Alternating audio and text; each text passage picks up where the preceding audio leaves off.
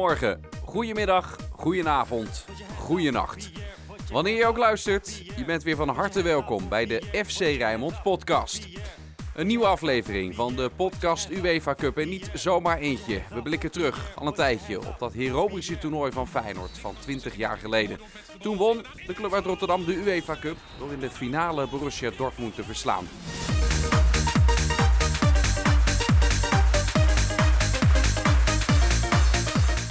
En eindelijk zijn we aanbeland bij die legendarische wedstrijd. Nog één duel en Feyenoord heeft de felbegeerde UEFA Cup binnen. Het zal moeten gebeuren in de eigen Kuip, die het toneel is van de eindstrijd tussen Feyenoord en Borussia Dortmund. Thomasson, oh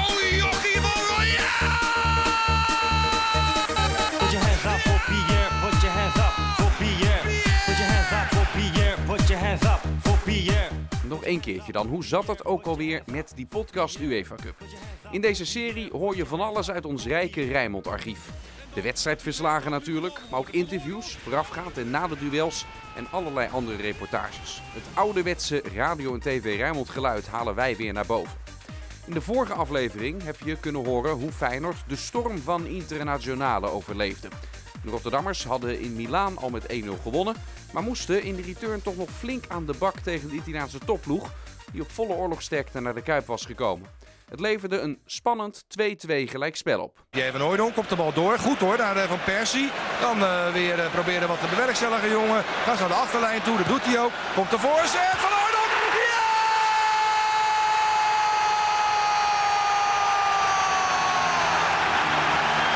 De bal wordt eh, beroerd door Ferraro. Zet bij Kalou mee verkeerde been. Probeert dan eh, Ventola aan te spelen. Daar zit dan eh, Feyenoord weer tussen met Van Wonderen.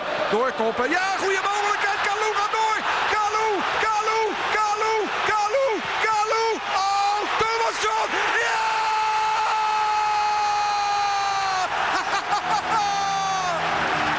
De corner vanaf de rechterkant. Draait daar naar de penaltystip. Doorgekopt, dan opgewacht. En, en een goal voor Inter. Emre, die laat zich vallen. Een strafschop. Scheidsrechter Lopez Nieto geeft Inter een strafschop. De strafschop van Colom.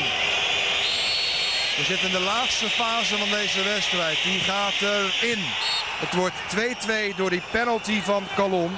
Scheidsrechter Lopez Nieto doet die fluit in je mond en geeft er een riedel op. Ja! Feyenoord zit in de finale. Feyenoord zit in de finale. Maar oh, wat was het spannend. Deze 2-2 tegen Inter was dus voldoende voor Feyenoord om zich te plaatsen voor de finale van de UEFA Cup. Ook daarin treft het team van trainer Bert van Marwijk een ware grootmacht. De Duitse topclub Borussia Dortmund.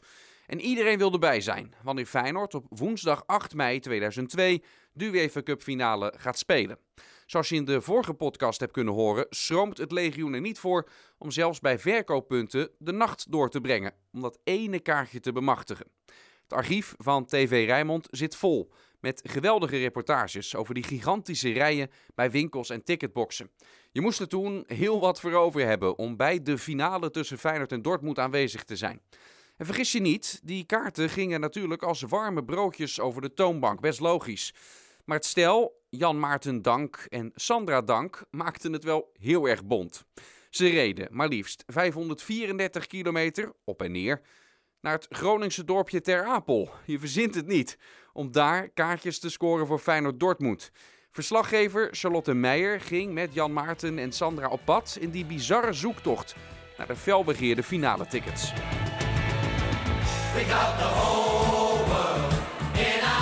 We gaan naar eh, Ter Apel in eh, Noord-Holland zo'n beetje. Ik moet en zal een kaartje voor de finale van eh, Feyenoord voor de UEFA Cup. En die verwacht je daar te vinden. Ik denk dat ik daar het meeste kans maak eh, binnen Nederland. En buiten Nederland zijn geen kaarten te koop. Ik ga gewoon mee. Ik heb wel eh, een seizoenkaart, dus ik wil ook wel heel graag een kaartje. Maar het was echt eh Jan Maarten die heel graag eh, naar die finale wil. Hoe erg een Feyenoord-fan moet je nou zijn om daar naartoe te gaan? Ik denk een hele erg Feyenoord fan. We hebben net gekozen voor een weg over Utrecht richting Groningen en niet Amsterdam. Heeft dat nog een reden? Ja, dat mag je denk ik gewoon zelf invullen. Dat ga ik natuurlijk niet hardop zeggen, maar ik denk dat het wel ergens mee te maken heeft. Hoort dat erbij om eh, als echte Feyenoord-fan niet echt van Amsterdam te houden? Nou, ik weet niet of het erbij hoort, maar het is wel iets wat in mij leeft. En waar het vandaan komt weet ik af en toe zelf niet ergens diep uit mijn tenen, maar het is er wel. Na 300 meter links aanhouden. Maar wat hebben jullie bij jullie? Bij? Eh, voor de hele erge noodgevallen wc-papier. Eh, broodjes, eh, heet water om koffie te maken, eh, boeken, tuinstoelen, slaapzakken, afdekplastic en een hoop snoep. Dan hebben we het wel gehad volgens mij. De beste club van Nederland, dat is Feyenoord. Eindelijk zijn we gearriveerd. Gelukkig wel. Nou even spannend om te kijken. Ik mis de sticker op de deur. Maar vooruit, we hebben er vertrouwen in. We hebben gebeld vandaag, dus het moet echt wel een ticketbox zijn. En ik zie dat ze staatsloten verkopen, dus volgens mij kan het niet mis. Dat is meestal hetzelfde. Dus uh, zou dat zo? Oké. Zou ze hier wel Feyenoord gehoord hebben? Hè? Stel hè, je weet het niet. Morgenochtend hebben jullie geen kaartje. Ja. Wat dan? Dan heb ik in ieder geval het idee dat ik er alles aan gedaan heb om eraan te komen. En oké, dan wil ik nog wel in jullie kamer het verzoek doen aan een van de vriendelijke business seathouder of weet ik veel wat die meelijn met me krijgt. Maar nee, daar gaan we nog steeds niet vanuit. Nou, goeienacht. Ja, dankjewel. Handig zo'n lampje. Wat zit dat daar voor die winkel? Wat zijn dat nou voor lui? Dan op een gegeven moment dan denk je van nou, misschien wel van die, eh, hè? Van die Feyenoord supporters. Bij wijze van spreken, ja. We hier kaartjes kopen? Ja, dat kan in heel Nederland. Nou, dan heb je inderdaad de kolder in de kop. Toch? Oké, hoe is jullie nacht gegaan? Nou, eigenlijk redelijk snel nog moet ik zeggen. Hij heeft er behoorlijk liggen slapen naast me. ik zelf iets minder, maar eh, ja, een hoop geluiden van die bouwputten hier zo. Dus dat maakt een hele hoop herrie. Dus daar werd ik erg onrustig van. Maar eh, op zich, eh, toen het helemaal licht werd, ging het heel snel. Want dan komen er allemaal leveranciers hier en mensen van de winkel. Van wat is dat nou? En, eh, nou ja, we kregen croissantjes en koffie bezorgd vanmorgen als ontbijt. Dus Van wie? ja, van de mevrouw van de winkel, die was eerst hier tegenkwamen. Dus nee, die mensen vinden het allemaal heel erg leuk wat we hier zitten te doen. Zenuwachtig? Nou, op zich, we zijn al binnen geweest, dus we hebben al gezien dat het inderdaad een ticketbox is. Maar ik wil het wel nog even helemaal goed zien. Voordat ik, vijf over negen ben ik tevreden, denk ik. Ticketbox. Haha. We verkopen wel, eh, wel voetbalkaartjes, maar eh, het is nooit zo dat iemand voor de deur gaat zitten wachten hier in Ter Apel. Dat gebeurt ons nooit weer, denk ik. of we moeten eh, nog een keer zoiets, dan eh, hoop ik dat deze mensen weer komen. Dat zou wel leuk zijn. Oh, nog zes minuten. Ja, dan loopt hij twee minuten anders. Dus, eh, Jij loopt achter hoor. Ja. Sneaky hè? Popding. Poppending. ja, het begint nu nog wel heel erg spannend te worden, zo'n paar minuten voor tijd. Dus, eh, nou, wat gisteren al zei, ik Vijf rust pas als dat ding eruit komt. Het is al drie minuten over, hè? Ja, Ja, maar er gebeurt nog niks. voucher. UEFA Ja. finale Feyenoord, de zevende. Nou, UU. Eh, nummer 51. 51, Komt dit nou? niet beschikbaar. Jezus, krijgen we dat. Nou, doe dan TT. KZ geeft hij aan. K, K, heet? Doe elkaar. Dat is nou wel heel spannend. KZ geeft hij aan, dat is een eh, Ja, 33 euro ja, eh, doen. kaart. Ja, doen. Enter. Ram dat ding erdoor. ik hoor hem. Hoorde ik dat goed? Yes. Dat is mijn eerste. Oh. nou, die van jou nog? Het is te laat? Even net. Ja, dat gaat mega snel dit. Niet te geloven. Oh. Slecht nieuws dus voor Jan Maarten en Sandra, die maar één kaartje hebben bemachtigd voor de UEFA Cup finale tussen Feyenoord en Borussia Dortmund. Ik heb het met terugwerkende kracht met ze te doen. Daarvoor rij je dan helemaal naar het hoge noorden. Maar ja, één van hen mag in ieder geval wel naar die finale in de Kuip. En zo is die lange reis naar de provincie Groningen tenminste voor één iemand nog goed geweest. De hele reportage kun je trouwens zien op Rijnmond.nl of in onze app. Eh, wat mij betreft is het echt een aanrader om eh, die beelden ook erbij te zien. Ja, wanneer Feyenoord de finale van de UEFA Cup tegen Dortmund gaat spelen, zit de Eredivisie er net op. De Rotterdammers zijn uiteindelijk als derde geëindigd. 9 punten achter kampioen Ajax en PSV pakt de tweede plaats in de Eredivisie in het seizoen 2001-2002. Een verschil van 4 punten ten opzichte van nummer 3 Feyenoord. Het team van Bert van Marwijk weet dan al dat het in de zomer aan de bak moet. Want die derde plaats geeft op dat moment recht om deel te nemen aan de voorronde van de Champions League. De laatste eredivisiewedstrijd van dat seizoen, drie dagen voor de finale, speelt Feyenoord uit bij Willem II. En Feyenoord laat dat duel schieten. Feyenoord had dat duel eigenlijk helemaal niet willen spelen. En dat blijkt wel in de opstelling. Een B-ploeg treedt aan in Tilburg. Groot aantal basisspelers wordt gespaard voor de finale tegen Dortmund. Pierre van Hooijdonk, Jondal Thomasson, Shinji Onno, keeper Edwin Zoetebier, Bonaventure Kalou, Kees van Wonderen, Patrick Pauwen. Allemaal komen ze niet in actie tegen Willem II. De wedstrijd om des keizers baard eindigt in een bloedeloze 0-0. Maar dat is dan weer weinig verrassend. De tegenstander van Feyenoord, Dortmund, heeft in de eindfase van de Bundesliga nog diep moeten gaan. De Duitsers zijn zaterdag in de laatste speelronde, voor de UEFA Cup finale op woensdag dus, landskampioen geworden. Na een 2-1 zege op Werder Bremen mag BVB zich de beste club van Duitsland noemen. Goals van de lange en kopsterke Jan Koller en de Braziliaanse aanvaller Everton. En daardoor is de landstitel een feit voor het team van trainer Matthias Zammer. Overigens is Dortmund niet de enige ploeg in de Bundesliga die nog een Europese finale zou gaan spelen. De nummer 2 in die competitie, Bayer Leverkusen dat seizoen, uh, staat op woensdag 15 mei, een week na de UEFA Cup finale, in de eindstrijd van de Champions League. Het sterrenensemble van Real Madrid is dan de tegenstander. Om even aan te geven dat het niveau van de Bundesliga op dat moment gigantisch hoog ligt. En Feyenoord is daarom gewaarschuwd. Met Borussia Dortmund treffen de Rotterdammers een tegenstander van formaat en een tegenstander met een bijzonder fanatieke aanhang.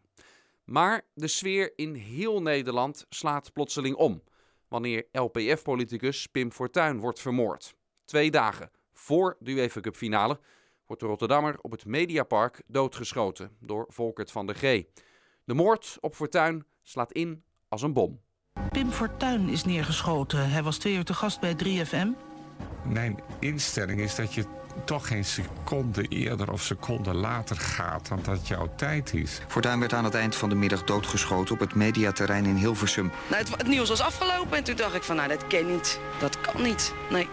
Dan zie je het bizarre beeld dat Pim Fortuyn, ja, dat die door zijn knieën is gegaan en dan achterover is gevallen. In een plas met bloed ligt hij. De manier waarop, door zijn hart, door zijn hals, door zijn hoofd. Dat wil zeggen dat het iemand is die het professioneel gedaan heeft. Hij moest dood. Nou, hij is dood. Ik vind niet omdat meneer Fortuyn het is, maar dat zou ik voor iedereen doen die hier in de wijk woont. Dit is gewoon vreselijk wat er gebeurde. Maar je bent, je bent heel kwetsbaar. Eén, één verkeerde manoeuvre met een mes of een pistool en ja, je kunt het dus niet navertellen. Ja, woorden schieten totaal tekort. Ik ben echt kapot. Ik ben echt kapot over wat hier uh, vandaag in dit land is gebeurd. Ik ben uh, verbijsterd over uh, het lot van Pim Fortuyn. Ivonie had het erover tot inderdaad op zijn hoogtepunt zou het beter zijn als hij hier weg zou gaan. Nou, dat is dus nu, nu gebeurd. Als mijn tijd daar is, dan ga ik. Ook Feyenoord-voorzitter Jorien van den Herik is natuurlijk geschokt wanneer Fortuyn wordt doodgeschoten. In gesprek met presentator Gert van het Hof vertelt Van der Herik destijds dat hij op de dag van de moord op Fortuyn zelfs nog met hem heeft gesproken. Het is eigenlijk zo bizar wat er, wat er gebeurd is. Als je weet dat uh, uh, Jan Zwart en ik gistermorgen tussen 11 en 12 met, met de heer Fortuyn hebben gezeten. En, een, een, bijeenkomst die, waarvoor wij hem hadden uitgenodigd. En wat we ook zo fantastisch vonden dat hij dat deed in een, in een verkiezingstijd, een week, bijna, bijna een week voor de verkiezing. Uh, terwijl hij geen enkele affiniteit had, directe affiniteit met, uh, met het voetbal. En dat hij toch zijn tijd beschikbaar stelde zonder daar gebruik van te maken. Er waren geen camera's bij. er was ook verder niemand bij. Hij kwam gewoon zelf, alleen, gezellig heeft een stuk taart op, heeft uh, ik weet niet hoeveel uh, koffie zitten drinken bij ons. Ik hoorde, ik hoorde dat gisteren bijna op dezelfde plaats trouwens. Ik zat in de auto op dezelfde plaats toen ik op 11 september hoorde van de aanslag in, uh, in Manhattan, in New York, mm -hmm. op het World Trade Center. En ja, ik heb zitten vloeken. Toch eventjes naar de actualiteit, want uh, ja, die vreemde overgang hebben we vandaag allemaal moeten maken. Er is gesproken over de Tweede Kamerverkiezingen die doorgaan op 15 mei. En er is natuurlijk ook gesproken in deze voetbalgekke stad over Feyenoord tegen Borussia Dortmund. Ook die wedstrijd gaat door. Ja, hoe kijkt u daar tegenaan? Wij hebben ook het, uh, het, het, advies gegeven. Het is, uh, A, is natuurlijk niet onze wedstrijd. De wedstrijd wordt georganiseerd door UEFA. Er is ook aan ons gevraagd van uh, wat is jullie standpunt. Ik heb dat vanmorgen vroeg heb ik dat afgestemd met mijn beide bestuurscollega's. En wij waren unaniem van mening dat de wedstrijd, als daar toestemming voor gegeven zou worden door de burgemeester, dat we die dan ook zouden, zouden spelen. Ik heb ook nog gedacht van wat zou Fortuyn daar zelf van hebben gevonden. En ik weet zeker dat hij daar ook een voorstander van geweest zou zijn. Dat hij had gezegd, jongens, spelen. Van een goede voorbereiding op de UEFA Cup finale is dus geen sprake. De moord op Fortuyn is ook bij spelers en trainers het gesprek van de dag. Toch gaat de wedstrijd tegen Borussia Dortmund door. Zo hebben burgemeester Opstelten en de UEFA besloten.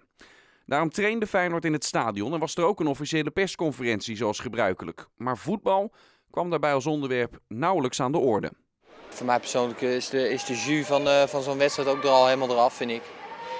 Het geeft mij weer eens te, eens te meer aan. Uh, ja, soms relativeer je wel eens, maar nu relativeer je helemaal natuurlijk. Als zulke dingen gebeuren, dat, uh, dat iemand gewoon wordt, wordt neergeschoten omdat hij een bepaalde staat voor een bepaalde mening. Dat is natuurlijk uh, ja, ongelooflijk. Ik heb ook meegemaakt met prinses Diana toen ik in Engeland zat.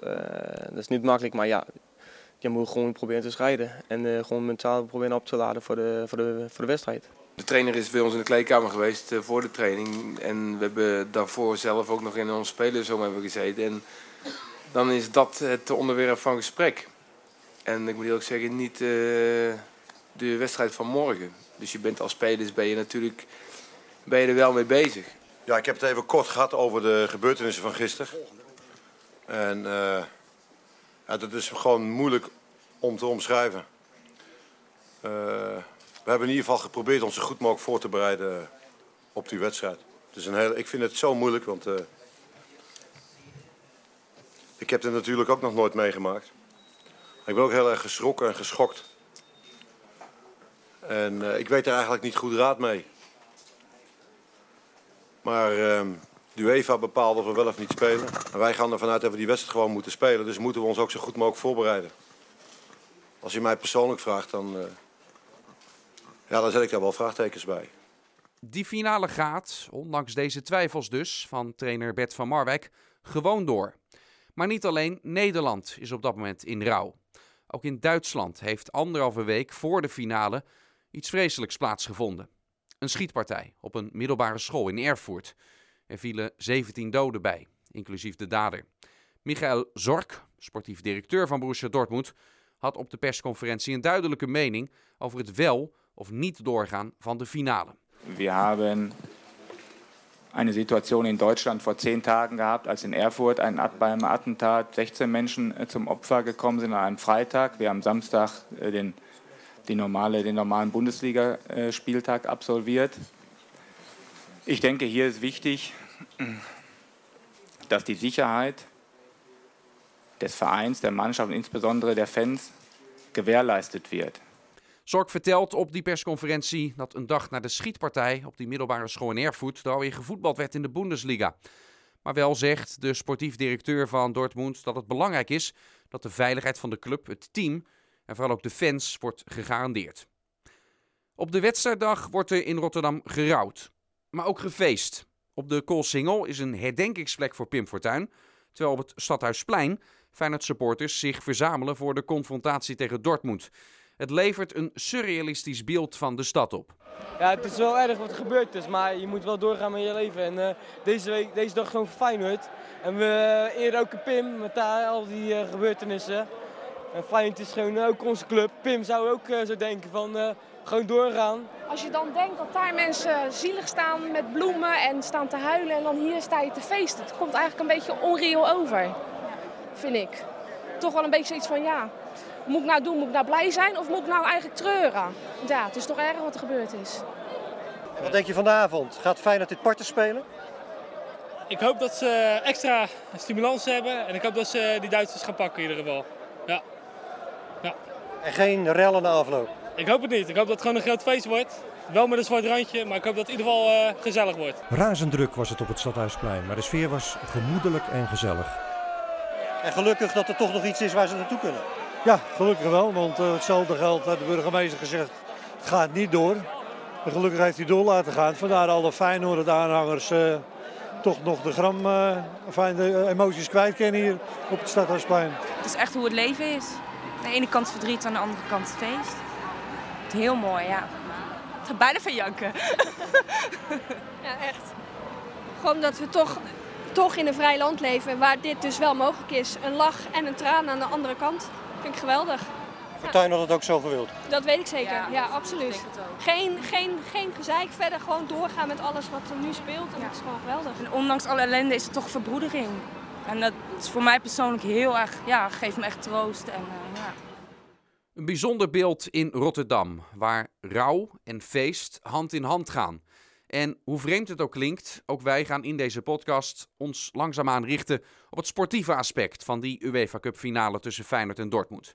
Daarvoor gaan we naar De Kuip, waar TV Rijnmond voor en na de wedstrijd uren live televisie maakt. Presentator Gert van het Hof en verslaggever Leon Boelen ontvangen in hun show talloze voetbalhelden en andere corriveeën. Feyenoordhelden Cor van der Grijp en Henk Schouten, die hun favoriete club komen aanmoedigen. Maar ook bij deze Feyenoord-iconen gaat het natuurlijk voorafgaand aan die wedstrijd vooral nog over de moord op Pim Fortuyn.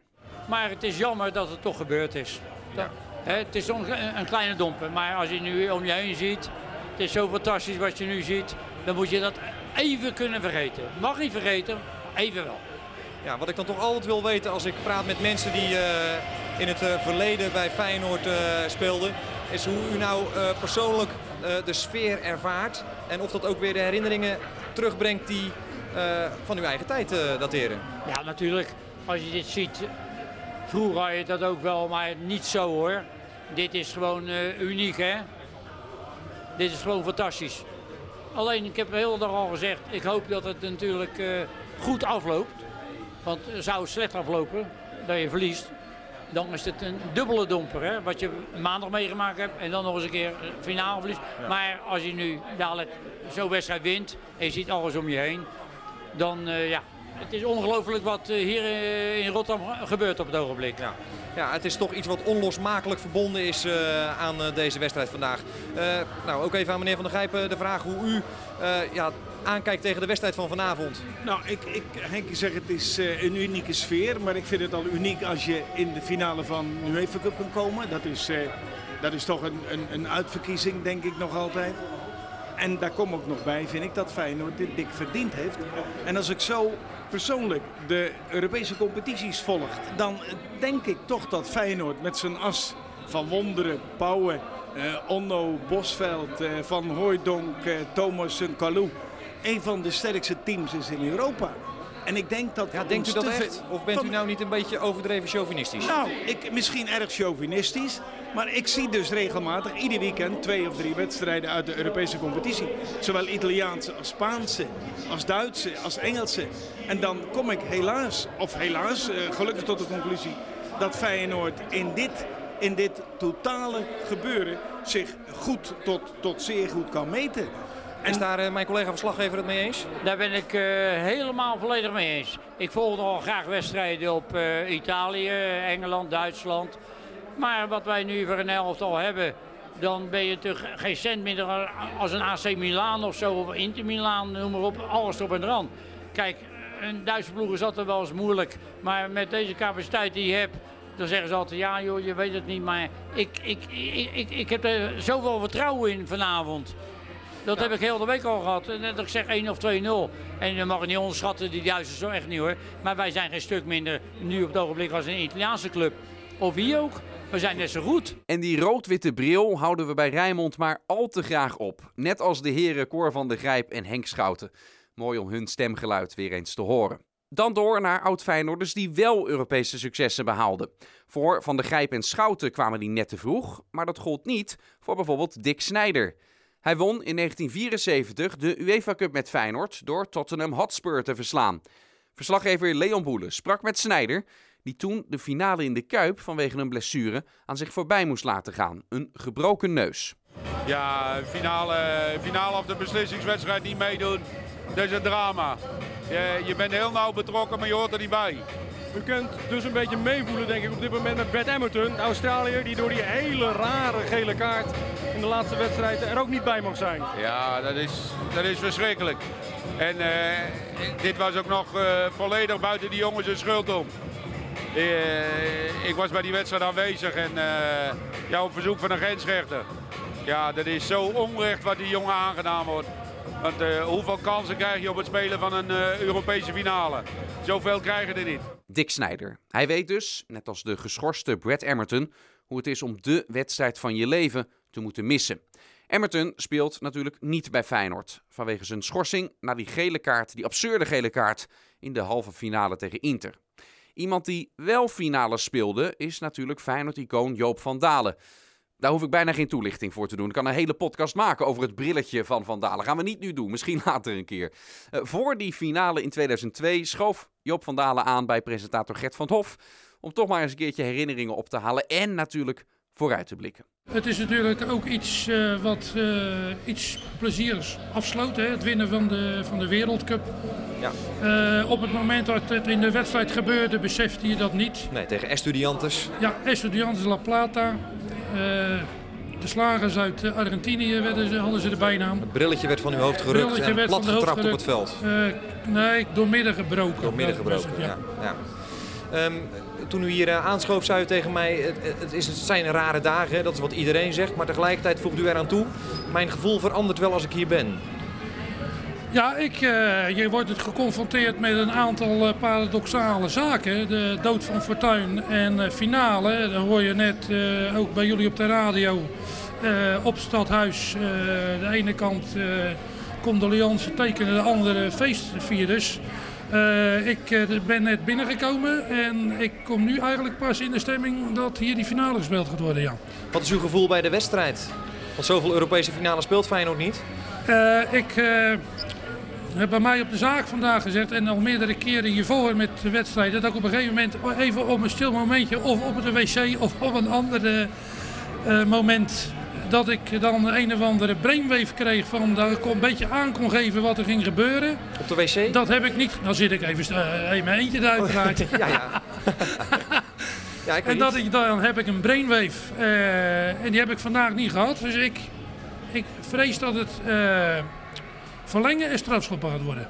Ja, nou, dus u, u heb nog niet echt een heel duidelijk idee. Maar misschien uh, dat, nou, dat de brainwave nog komt als u straks even toilet opzoekt. Nee, dat had ik het al gehad. Had ik hem al had, had nee, maar gehad. kijk, het, het maakt eigenlijk ook niet uit hoe het verder tot stand komt. Als Feyenoord maar vanavond hier wint. En zoals altijd heeft Joop van Dalen daar helemaal gelijk in. Feyenoord moet nog één keer winnen van Borussia Dortmund. En dan is de UEFA Cup voor de Rotterdammers. Het is tijd om naar het wedstrijdverslag te gaan van die finale tussen Feyenoord en Dortmund. Een uitverkochte kuip natuurlijk. Aan de ene helft Nederlandse fans, Rotterdamse fans, Feyenoord-fans. En aan de andere kant van het stadion de Duitse fans. Er gaat gestreden worden om die felbegeerde beker. Rotterdam en de rest van Nederland krijgen met de finale even wat afleiding in een aantal bizarre en hele nare dagen in ons land. Eerst nog even de opstellingen doornemen. De opstellingen van beide ploegen voor die finale. Allereerst behandel ik de opstelling van Feyenoord. Letterlijk en figuurlijk spelen ze een thuiswedstrijd. Edwin Zoetebier is de doelman van de Rotterdammers. In de verdediging zijn er basisplaatsen voor Christian Guian. Hij vervangt de geschorste Bert Emmerton. Verder zien we Kees van Wonderen, Patrick Pauwen en Thomas Raza achterin. Op het middenveld drie spelers. De aanvoerder Paul Bosveld, Jondal Thomasson. Hij speelt zijn laatste wedstrijd voor Feyenoord voordat hij naar AC Milan vertrekt. En ook die Japanse ster Shinji Ono is van de partij. Voorin heeft trainer Bert van Marwijk drie aanvallers opgesteld. Bonaventure Kalou, Pierre van Hooydonk en Robin van Persie. Dan door naar Borussia Dortmund. De Duitse topclub heeft een aantal namen in de geledingen om je vingers bij af te likken. Een mix van ervaring, talenten en gerespecteerde internationals. In de goal de Duitse keeper Jens Lehmann. Voor hem heeft coach Matthias Sammer deze verdedigers de wei ingestuurd. Evan Nielsen, Christian Wurns, routinier Jurgen Kohler, die zijn laatste profwedstrijd gaat spelen, en DD. Op het middenveld zijn de volgende namen bij Borussia Dortmund terug te vinden. Lars Rikken, aanvoerder Stefan Reuter, smaakmaker Thomas Rosicki en Everton. En tot slot hebben de Duitsers een koningskoppel voorin. Een koppel om te vrezen op voorhand. De Tsjechische spits Jan Koller. Hij verschijnt samen met Amoroso aan de aftrap van de UEFA Cup finale. Geen getreuzel meer. Het is tijd om echt naar de Kuip te gaan. Het hoogtepunt van deze podcast, denk ik, voor velen. Na wedstrijden tegen Freiburg, Glasgow Rangers, PSV en internationale hoeft Feyenoord nog maar één hordertje te nemen. Nog maar één tegenstander te verslaan. Borussia Dortmund in de finale. Een spannende finale op Rotterdam-Zuid. En bij Radio Rijnmond kan er natuurlijk maar één iemand het commentaar geven op deze historische avond. Dat is natuurlijk Hans van Vliet.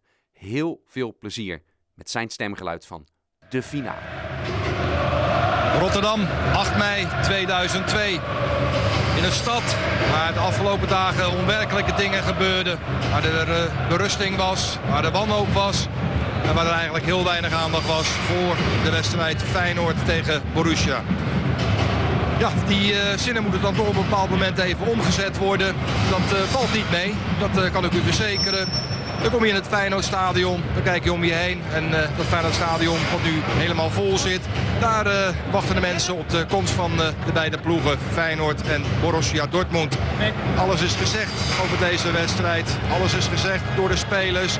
Alle reacties van het publiek waren duidelijk. Die vele tienduizenden die baalden als een stekker toen ze geen kaartje konden krijgen. In afwachting waren, de avond ervoor al vaak op de grond sliepen. En na ruim drie minuten, toen was alles weg. Alle kaartjes die waren uitverkocht. En al die gelukkigen die hier nu zitten, sommigen hebben tot 2000 euro betaald voor een kaartje voor deze finale. 4400 gulden, ga er maar aan staan.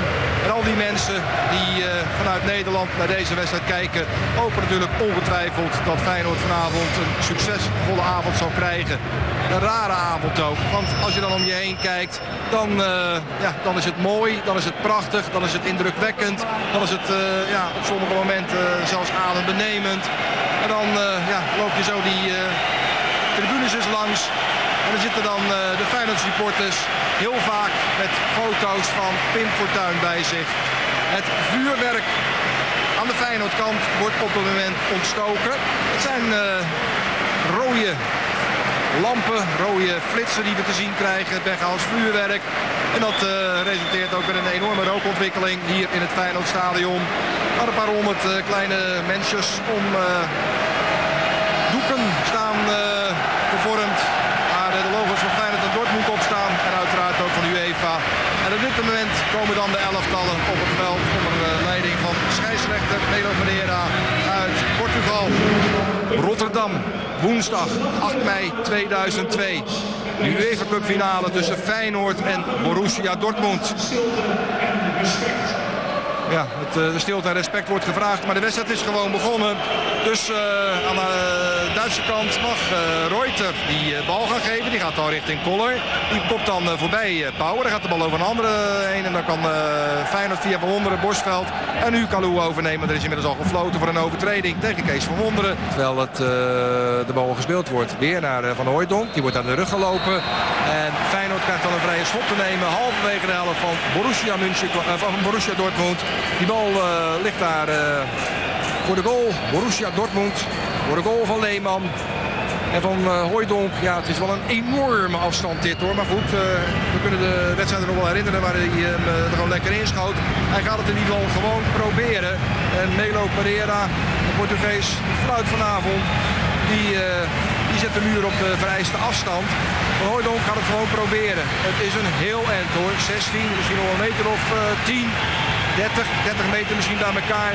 Nou, ga het maar eens proberen. Pierre van Hooijdonk. Hij neemt zijn aanloop. Pierre van Hooijdonk. Hij gaat schieten. Op de paal! Op de paal! Op de paal!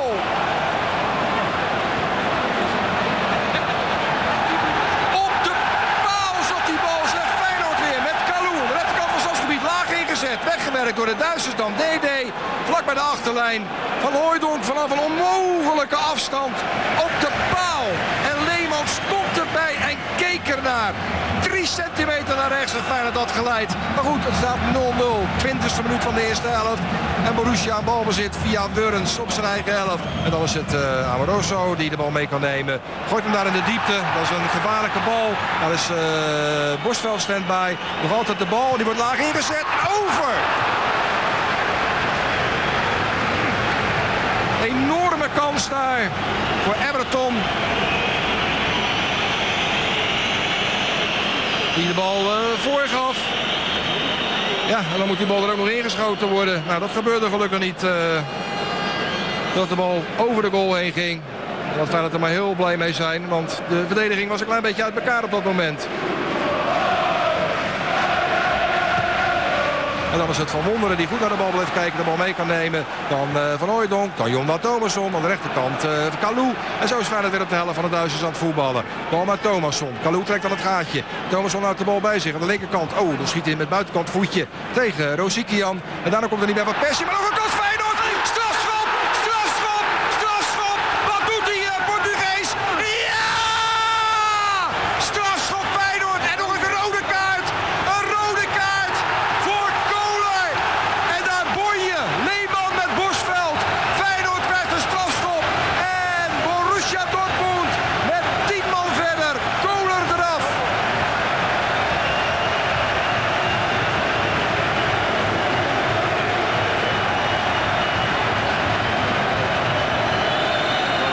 Het is de 32e minuut. Terwijl de Duitsers staan nog steeds met... eh terwijl de Duitsers staan nog steeds met die Portugese scheidsrechter in conferentie zijn... is het Kohler die aan de hals, aan de nek van eh Thomasson de Deen onderuit haalt. Gruus Gotti!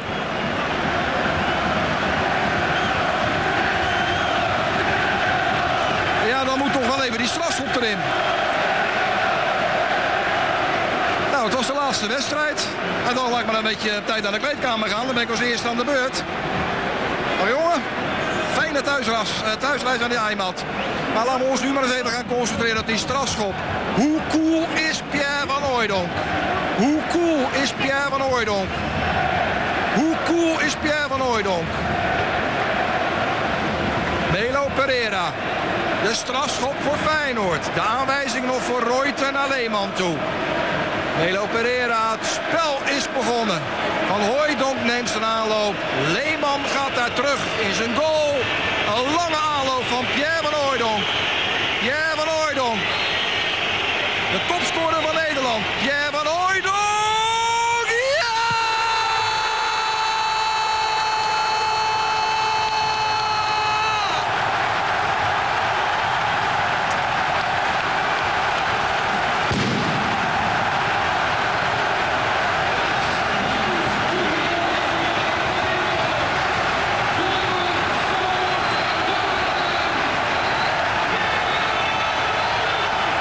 Hij doet het weer!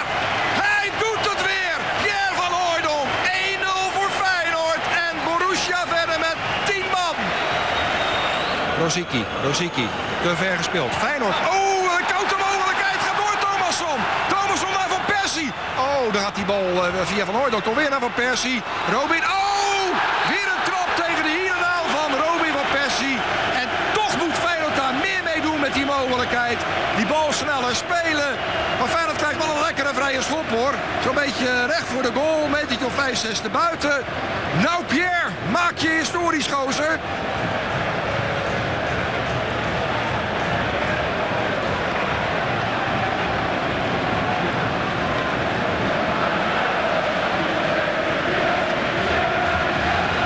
De bal ligt een meter of 22, 21 van de lijn waar Leeman nu op staat. Van Hooijdonk gaat achter de bal staan. Van Wonderen krijgt even wat instructies van Van Marwijk. Nou, we zagen het eerder in deze wedstrijd. Toen eh, ja, van bijna halverwege de helft van de Duitsers eh, de bal tegen de paal werd geschoten door Pierre van Hooijdonk. Nou ja, dan staan er heel wat fijners omheen. We zien eh, Van Persie kan aardig schieten. Pauwen ook nog wel eens een aardig schotje zien afvuren daar in Noord-Holland. Ja, en Pierre van Hooijdonk, die eh, zien we de ene vuurpijl naar de andere lossen. Het is de 40ste minuut van deze eerste helft. Van Hooijdonk Pauwen of Van Persie. De muur staat in de 16 meter. Wie gaat er schieten? Van Hooijdonk gaat schieten! Ja!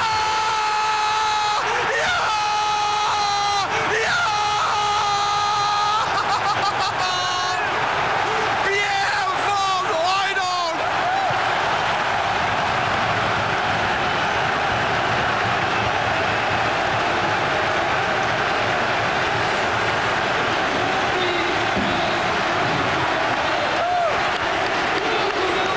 Pierre van Hooijdonk zwaait zo nul!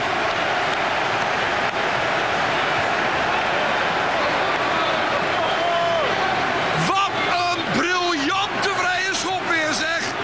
Wat een oermens! Wat een fantastische trap! Pierre van Hooijdonk!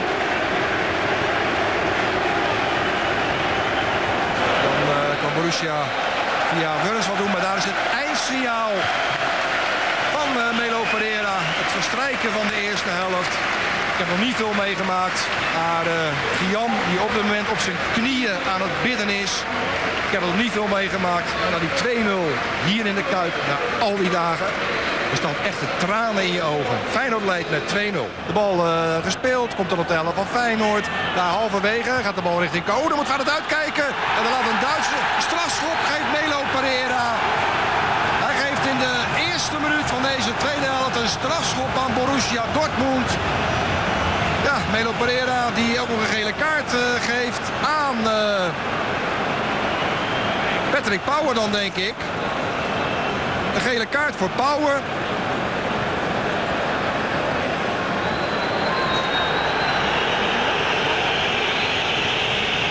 Een gele kaart voor Patrick Power. En zo kunnen de Duitsers in het begin van deze eerste helft al gelijk de aansluitingstreffer gaan scoren. De bal werd naar binnen geschoten, weer binnendoor. Patrick Power bij de bal. En dan eh, is er niks aan de hand. Er is gewoon niks aan de hand. Die... eh, Amoroso laat zich gewoon vallen. Hij maakt zelfs nog hens. Dit is een cadeautje van scheidsrechter Melo Pereira. Krijgt de Calera. De schot, het schot en dan is het 2-1. Goal van Amoroso. Een cadeau van Melo Pereira.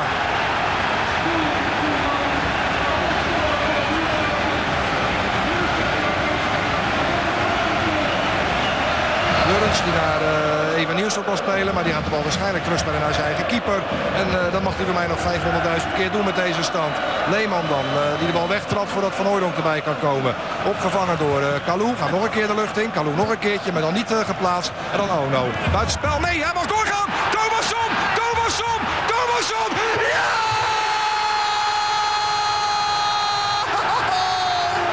Wat een avond!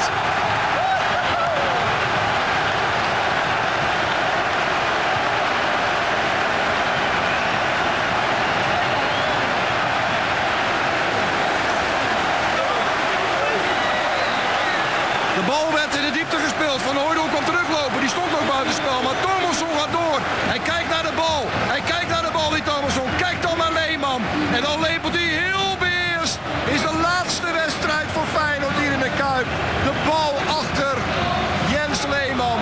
En Feyenoord staat daar 50 minuten voor met 3-1. Even Nielsen, maar Koller weer die eh, brede net een flat als je hem ziet lopen. Een flat zonder dak zal ik maar zeggen. De bal weggekopt, nog een keer weggekopt. Eerst verwonderen, toen Power. Nou uitkijken voor Koller. Oh, een doelpunt! En ook nog een hele mooie ook. Dortmund weer terug op 3-2.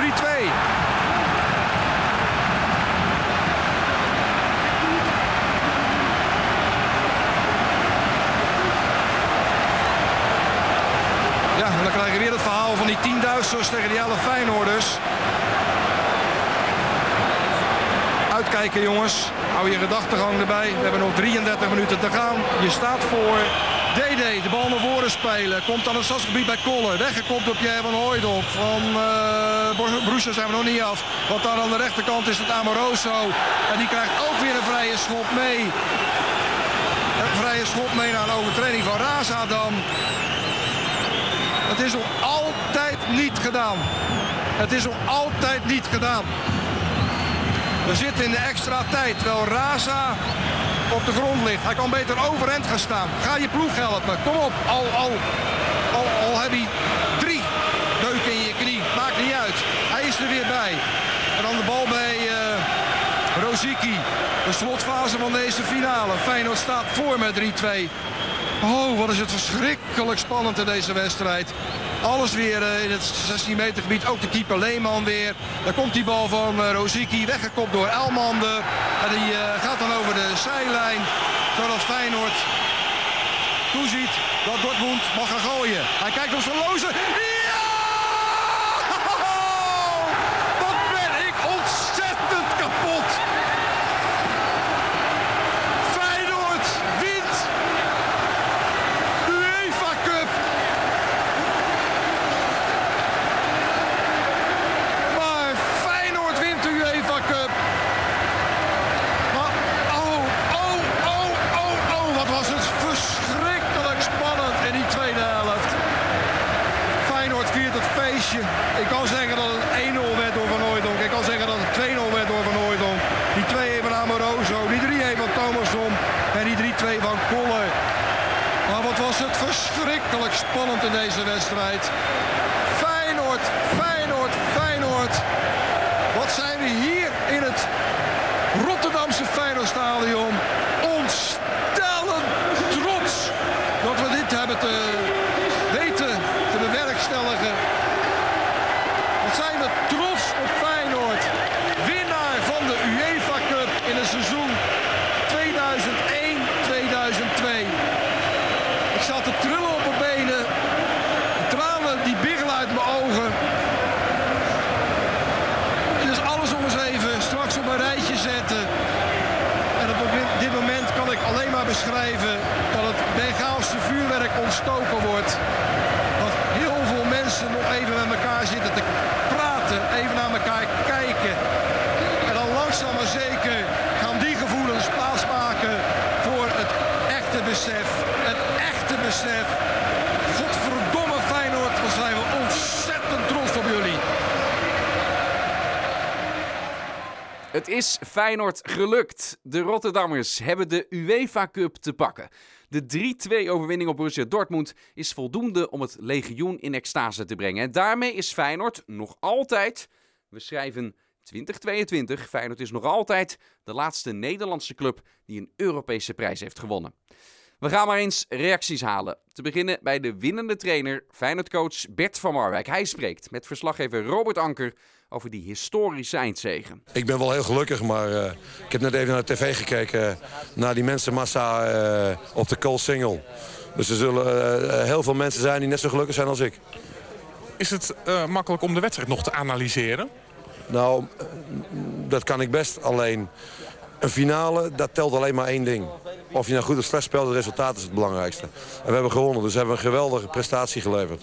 Alleen de wedstrijd op zich hadden we in het begin heel erg moeilijk. Uh, je moet ze hun via de zijkanten bestoken en dat lukte ons niet goed. Maar door die twee goals van Pierre ja, kwam de rust in de ploeg. En toen zij ook nog met tien man kwamen te spelen... was de bedoeling om hen onmiddellijk onder druk te zetten. Nou, dat, dat, dat neem je je dan voor en dan kom je binnen een minuut al op 2-1. Toen knapte er iets. komen toch op 3-1. En toen had ik echt het gevoel van, die wedstrijd die winnen we. En toen het 3-2 werd, toen wist ik dat het tot de laatste toe heel spannend zou worden. Hoe moeilijk is het uiteindelijk geweest om uh, je op deze wedstrijd voor te bereiden? Nou, dat was best wel moeilijk. We hadden een prima voorbereiding. Na Heerenveen wisten we dat de derde plaats zeker was. Dat we ook geen tweede meer konden worden. Dus heb ik al vaker gezegd dat we anderhalve week de tijd hadden om ons voor te bereiden. Dat merkte je aan de groep. Die was heel gretig en scherp. Alle ogen waren gericht op die finale. Ja, dan gebeurt het tragische uh, uh, met Pim Fortuyn. En uh, dat was best een streep door de rekening. En voor mij was dat ook heel moeilijk. Ik wist ook niet goed hoe ik daarmee om moest gaan. En we hebben er gistermiddag heel kort over gesproken. En, en uh, hebben geprobeerd de knop om te draaien. Dat... Ja, wat zeg je dan? Uh, want het, het, is overal op televisie, op de radio. luister en kijk maar nergens naar. Nee, maar ik heb, ik heb gezegd hoe ik gereageerd heb op de persconferentie, op dat nieuws. En iedereen heeft daar zijn eigen gevoelens bij. En toen heb ik de groep gevraagd wat zij ervan vinden. Of de jongens zijn die absoluut niet wilden spelen. En toen kreeg ik geen antwoord. En, maar we wisten ook dat we zelf moesten spelen. Uh, ik, ik, ik vond het alleen jammer dat, uh, dat men sommigen probeerden de verantwoording, verantwoording bij ons te leggen. Terwijl ik vind dat die bij de UEFA ligt en bij de, bij de gemeente. En uh, dat mag je een groep die, die een heel jaar toeleeft naar zo'n finale eigenlijk niet aandoen. maar ik had er toch zelf een, een, vreemd gevoel bij. Nou, we hebben die knop omgedraaid en ja, ik ben trots. En je bent schoor. En ik ben schoor omdat ik verkouden ben en omdat ik toch wel het nodige gezegd heb vandaag. Veel plezier bij de gepaste festiviteiten. Oké, okay, dankjewel. Voor het Duitse voetbalicoon Jurgen Kohler werd de finale natuurlijk geen feest. De centrale verdediger van Dortmund moest met een rode kaart de wedstrijd voortijdig verlaten. En daarmee eindigt zijn imposante carrière met een rood randje. En niet met een goud randje. Verslaggever Sinclair Bisschop was de enige die avond die de Duitser voor zijn microfoon kreeg. Das ist so ein kleiner schwarzer Fleck auf einer weißen Weste. Damit muss man leben, das ist im Sport so. Und, äh, aber trotzdem glaube ich, äh, äh, muss ich das auch loswerden heute wieder die äh, Zuschauer und vor allen Dingen auch meiner, meiner Mannschaft muss ein großes Kompliment machen, mit zehn Mann hier so aufzutrumpfen, so zu spielen. Maar Herr Bishop sprak na de finale vooral nog een aantal andere blije en opgetogen Feyenoorders. En terecht, want een UEFA Cup finale winnen, dat is eh, niet veel voetballers in hun carrière gegeven. Ja, eh, fantastisch. Ik heb me eigenlijk niet hoeven te knijpen, maar uh, want, uh, wat dat betreft het stadion ontplofte, ja, dan, uh, ja, dan, je, dan, dan, weet je dat het zover is en dan ja, is het volop genieten natuurlijk. Nou, de medaille heb je om, wat is die mooi? Ja, zeker weten. Dat is een onbeschrijfelijk gevoel natuurlijk. Het is gewoon een droom die uitkomt. Ja, ik, ik, ben pas 18 jaar en dan mag je dit allemaal meemaken. Dat is natuurlijk onbeschrijfelijk. Misschien maak je het maar één keer in je leven mee en ik heb het nou meegemaakt. Ik vind het prachtig. Het is heel erg goed uh, afscheid met de, ja, gewoon de UEFA Cup te winnen. Ja. Dat is heel moeilijk te beschrijven, maar ja, we kan niet iets. Ligt wel dicht bij elkaar. Verliest Feyenoord, zegt iedereen, ja, matig seizoen. Nou, winnen jullie is het gewoon een, ja, gewoon een heel goed seizoen. Ja, maar ik was het daar niet mee eens hoor. Ik vond dat we op Europees gebied zeker wel wat hadden gepresteerd. We hebben een grote ploeg uitgeschakeld en uh, uh, je wint hem nu, dus je hebt een hele grote prijs. Maar op het moment dat we hem verloren hadden, wat, wat heel dicht bij elkaar ligt, dan, uh, dan hadden een hoop mensen gezegd, ja het is een dramatisch seizoen. Maar daar was ik het niet mee eens. Maar dit geeft het wel extra glans. En dan fluit die scheidsrechter af en dan? En dan is los. Twee biertjes op en dronken al. Thomas Raza was zojuist al dronken. Hoe is het met jou? Ik ben goed op weg, maar uh, ik ben er nog niet. Maar uh, ja, ik denk dat ik het wel ga worden. Zo niet vandaag, uh, dan morgen zeker. Weinig mensen zullen het je kwalijk nemen, Kees van Wonderen. Zoiets maak je natuurlijk ook niet vaak mee en zeker niet bij Feyenoord, laten we eerlijk zijn. Wat ook behoorlijk ongewoon is, was de ereronde van Patrick Pauwen met een grote vlag van Feyenoord. Jawel, het moest voorbij komen op een gegeven moment in deze podcast. Wat hij aan had, ik denk dat je het weet. Zo niet, check de beelden op onze website en in onze app. Uh, wiens lach niet van zijn gezicht zou verdwijnen, daar zit een mooi liedje in, was bij sterspeler Pierre van Hooijdonk. Na de gewonnen UEFA Cup, die onlosmakelijk met zijn naam verbonden is natuurlijk, kwam ook Pierre met een biertje bij verslaggever Leon Boelen langs. Ik zou met je willen klinken. En bedankt namens uh, alle voetballiefhebbers in Rotterdam. Is dat al gebeurd vanavond? En overigens, uh, de rest van de wereld ook wel, denk ik. ja, ik denk dat iedereen uh, er op dit moment toch zeker wel, wel eentje op heeft genomen ja, op onze overwinning. Het is een jongensboek, hè? Ja, absoluut. Dat, nogmaals, ik denk dat we dat. we beseffen, we denken dat we het beseffen wat, wat er allemaal gebeurd is, maar ik denk dat dat straks pas echt gaat beginnen. Nu, nu, nu leef je als het ware op een roze wolk. En, en, ja, ik vind het fantastisch dat wij, en met dit elftal, en dan bedoel ik niks een nadeel van het elftal, maar als je, als je de tegenstander ziet tegen wie we gespeeld hebben, voornamelijk PSV, Inter en, en, en Rangers, ja, dan, dan die hebben in principe schat je die ietsjes hoger in. Of PSV ietsjes en, en die andere twee gewoon schat je hoger in. En, en daar komt Dortmund ook nog bij. En die zet ze eigenlijk allemaal aan de kant. En ja, dat, dat is iets speciaals en, en uniek. En ik moet eerlijk zeggen dat ik blij ben dat we, dat, dat we in die Champions League zo aan het kloten geweest zijn. Anders hadden we, anders hadden we nooit gestaan. De mensen hier zeiden net, die goal van Overkindwal hebben we 30 jaar gezien. De komende 30 jaar zien we jouw goals. Nou ja, ik, ik, moet eerlijk zeggen dat het leuker kijken is kleurenbeelden dan uh, die zwart-wit beelden. maar ja, ik denk wel dat we als elftal inderdaad, uh, en dat doe je op, een, een stukje historie weer schrijven. En ja, dat, uh, ik denk dat, dat we ons niet realiseren en ik denk dat het niet meer gaat gebeuren. Dat we als Nederlands team uh, ooit nog met die beker omhoog zullen staan. Maar dat werd in de afgelopen jaren ook gezegd, hè? dat gaat de Nederlandse club ja, niet meer lukken. Okay, maar ik vind nog steeds dat wij wat wij gepresteerd hebben in deze UEFA Cup, dat dat iets extreems goeds is geweest. En we hebben daar ook een postje geluk in gehad. En uh, ja, plotseling sta je, ineens, sta je ineens in zo'n finale. En dan, dan let Thomas van heel, is heel scherp en, en krijg je een strafschop en je speelt tegen 10. Kom je 1-0 voor en ja, dan heb je zoiets van ja, eigen stadion, wat, wat moet hier nog misgaan?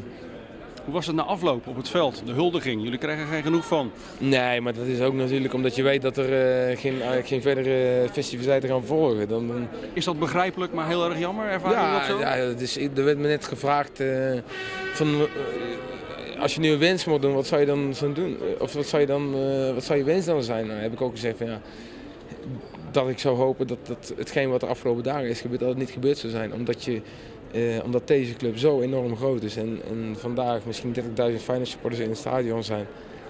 En in heel Nederland zoveel, uh, ja, zoveel andere fans die, die, die morgen een hele mooie dag hadden kunnen hebben. En, wij zelf ook iets, iets, iets unieks. En, ja, dat, dat is er niet. En uh, ja, dat is enorm jammer. jammer. Je kwam naar Feyenoord om prijzen te winnen, kampioen te worden. Ik was er erg ziek van dat de titel er niet in zat. Dit maakt natuurlijk heel veel. Alles goed? Ja, ja. ik heb ook gezegd als ze het niet halen dan is het uh, dubbel zo zuur. En dan komt de klap twee keer zo hard aan. Maar deze prijs die, die schat ik uh, hoger in dan, uh, dan een landstitel. Ook al omdat je, dat je denkt dat je als wij volgend jaar beter worden dan dat we nu zijn, dan, dan spelen we nog geen eens UEFA Cup. Maar dan, dan, haal je misschien die tweede ronde van die, van die Champions League. En ja, daarin uh, zijn wij figuranten. Daarin uh, moeten wij niet denken aan uh, eventuele Champions League finale. Oké, okay. heel fijn Pierre. Geniet van de komende dagen. En zoals een Duitse supporter die net om een handtekening vroeg al tegen je zei, gratuleren. Ja, dank je. Je hebt in deze podcast UEFA Cup vooral vrolijke momenten voorbij horen komen rondom Feyenoord. Maar de gewonnen finale van die UEFA Cup kent ook een andere kant. Hoewel Feyenoord geen officiële festiviteiten heeft om de winst te vieren, vanwege de moord op Pim Fortuyn, gaan supporters het centrum van Rotterdam in en daar loopt het behoorlijk uit de hand. Er ontstaan rellen en de ME treedt op. Het is een krankzinnig gezicht wanneer je de beelden vanaf de Koolsingel ziet. Voor het stadhuis ligt een bloemenzee, maar even verderop raken hooligans slaags met de ME. Het is een trieste zaak. Maar hier wil ik de podcast natuurlijk niet mee eindigen, want er zijn genoeg supporters, het merendeel, die er wel een mooi feest van maken. Ook al doen sommige Feyenoord-fans en corifeeën dat met de handrem erop. En dat heeft natuurlijk dezelfde reden die ik net al noemde, moord op politicus Pim Fortuyn. Feyenoord heeft gewonnen. Ze hadden allemaal zwarte bont om. Ten nagedachte is van Pim Duim. En je merkt, het is heel, heel goed merkbaar. Heel goed merkbaar. Het publiek leeft heel erg hiermee. At your service. We staan hier voor Pim.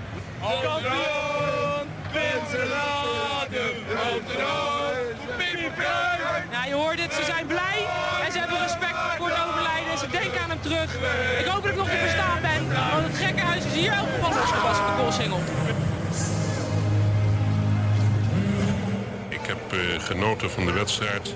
Ik heb natuurlijk af en toe wel eens even mijn gedachten laten, de vrije loop uh, laten gaan. Zo gaat dat natuurlijk, ben ik ook eerlijk in. Maar uh, ik heb genoten van deze wedstrijd. Sommige mensen zeggen hier vanavond... de spelers geven Rotterdam iets terug na een hele nare week. Nou, ik denk dat dat, dat is een mooie uitdrukking. Feyenoord heeft Rotterdam iets teruggegeven. Nou ja, wel in ieder geval. Er is natuurlijk een hoop verdriet geweest. En uh, dat is er nog steeds. En uh, wat dat betreft is, is er ook een hoop uh, ja, bepaalde uit, ja, uitgelaten mensen. Met mensen die blijdschap hebben. Dus wat dat betreft kunnen ze dat wel gebruiken. Een beetje een steuntje in de rug. En dat is natuurlijk dramatisch wat er gebeurd is. En het, is gewoon, het is gewoon heel moeilijk om dat, om dat te scheiden.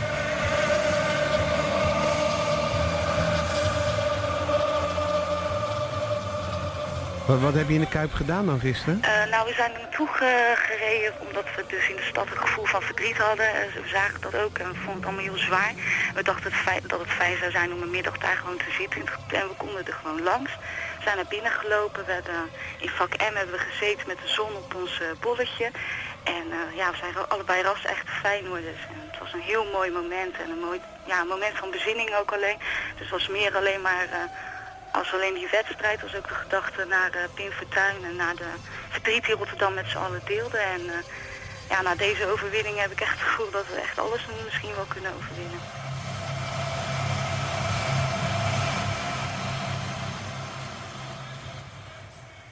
Daarmee zit het erop. Ik heb ervan uh, genoten om het archief in te duiken.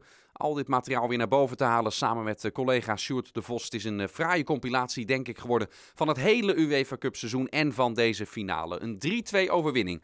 Daarmee eindigt de Europese campagne van Feyenoord in het seizoen 2001-2002 met als eindresultaat het pakken van die felbegeerde beker. Een prestatie van formaat. Dat gevoel had ik toen al een beetje, maar inmiddels zijn we 20 jaar verder. De tijd gaat hard.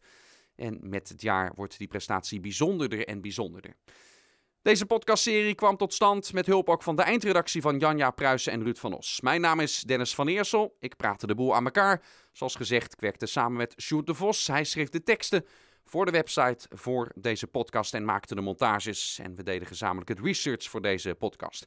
Het archief van Radio en TV Rijnmond is namelijk onuitputtelijk, want we hebben heel veel materiaal nog niet eens laten horen. Maar we zitten nu al redelijk aan de tijd.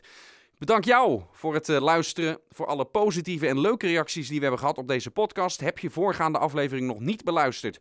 Doe dat alsjeblieft, want er zitten pareltjes uit ons archief eh, bij die je uh, als Feyenoord-liefhebber niet wil missen. Ik moet zeggen, het motiveert ook enorm om door te gaan uh, met dit soort podcasten over wedstrijden uit het verleden. In het Rijnmondgebied. Maar daarover wellicht later meer. Hou de kanalen van Rijnmond Sport in de gaten. Ook op deze podcast kun je een reactie achterlaten via onze social media accounts op Twitter, Facebook of de Instagram accounts van Rijnmond Sport. Een mailtje kan ook naar sport.rijnmond.nl.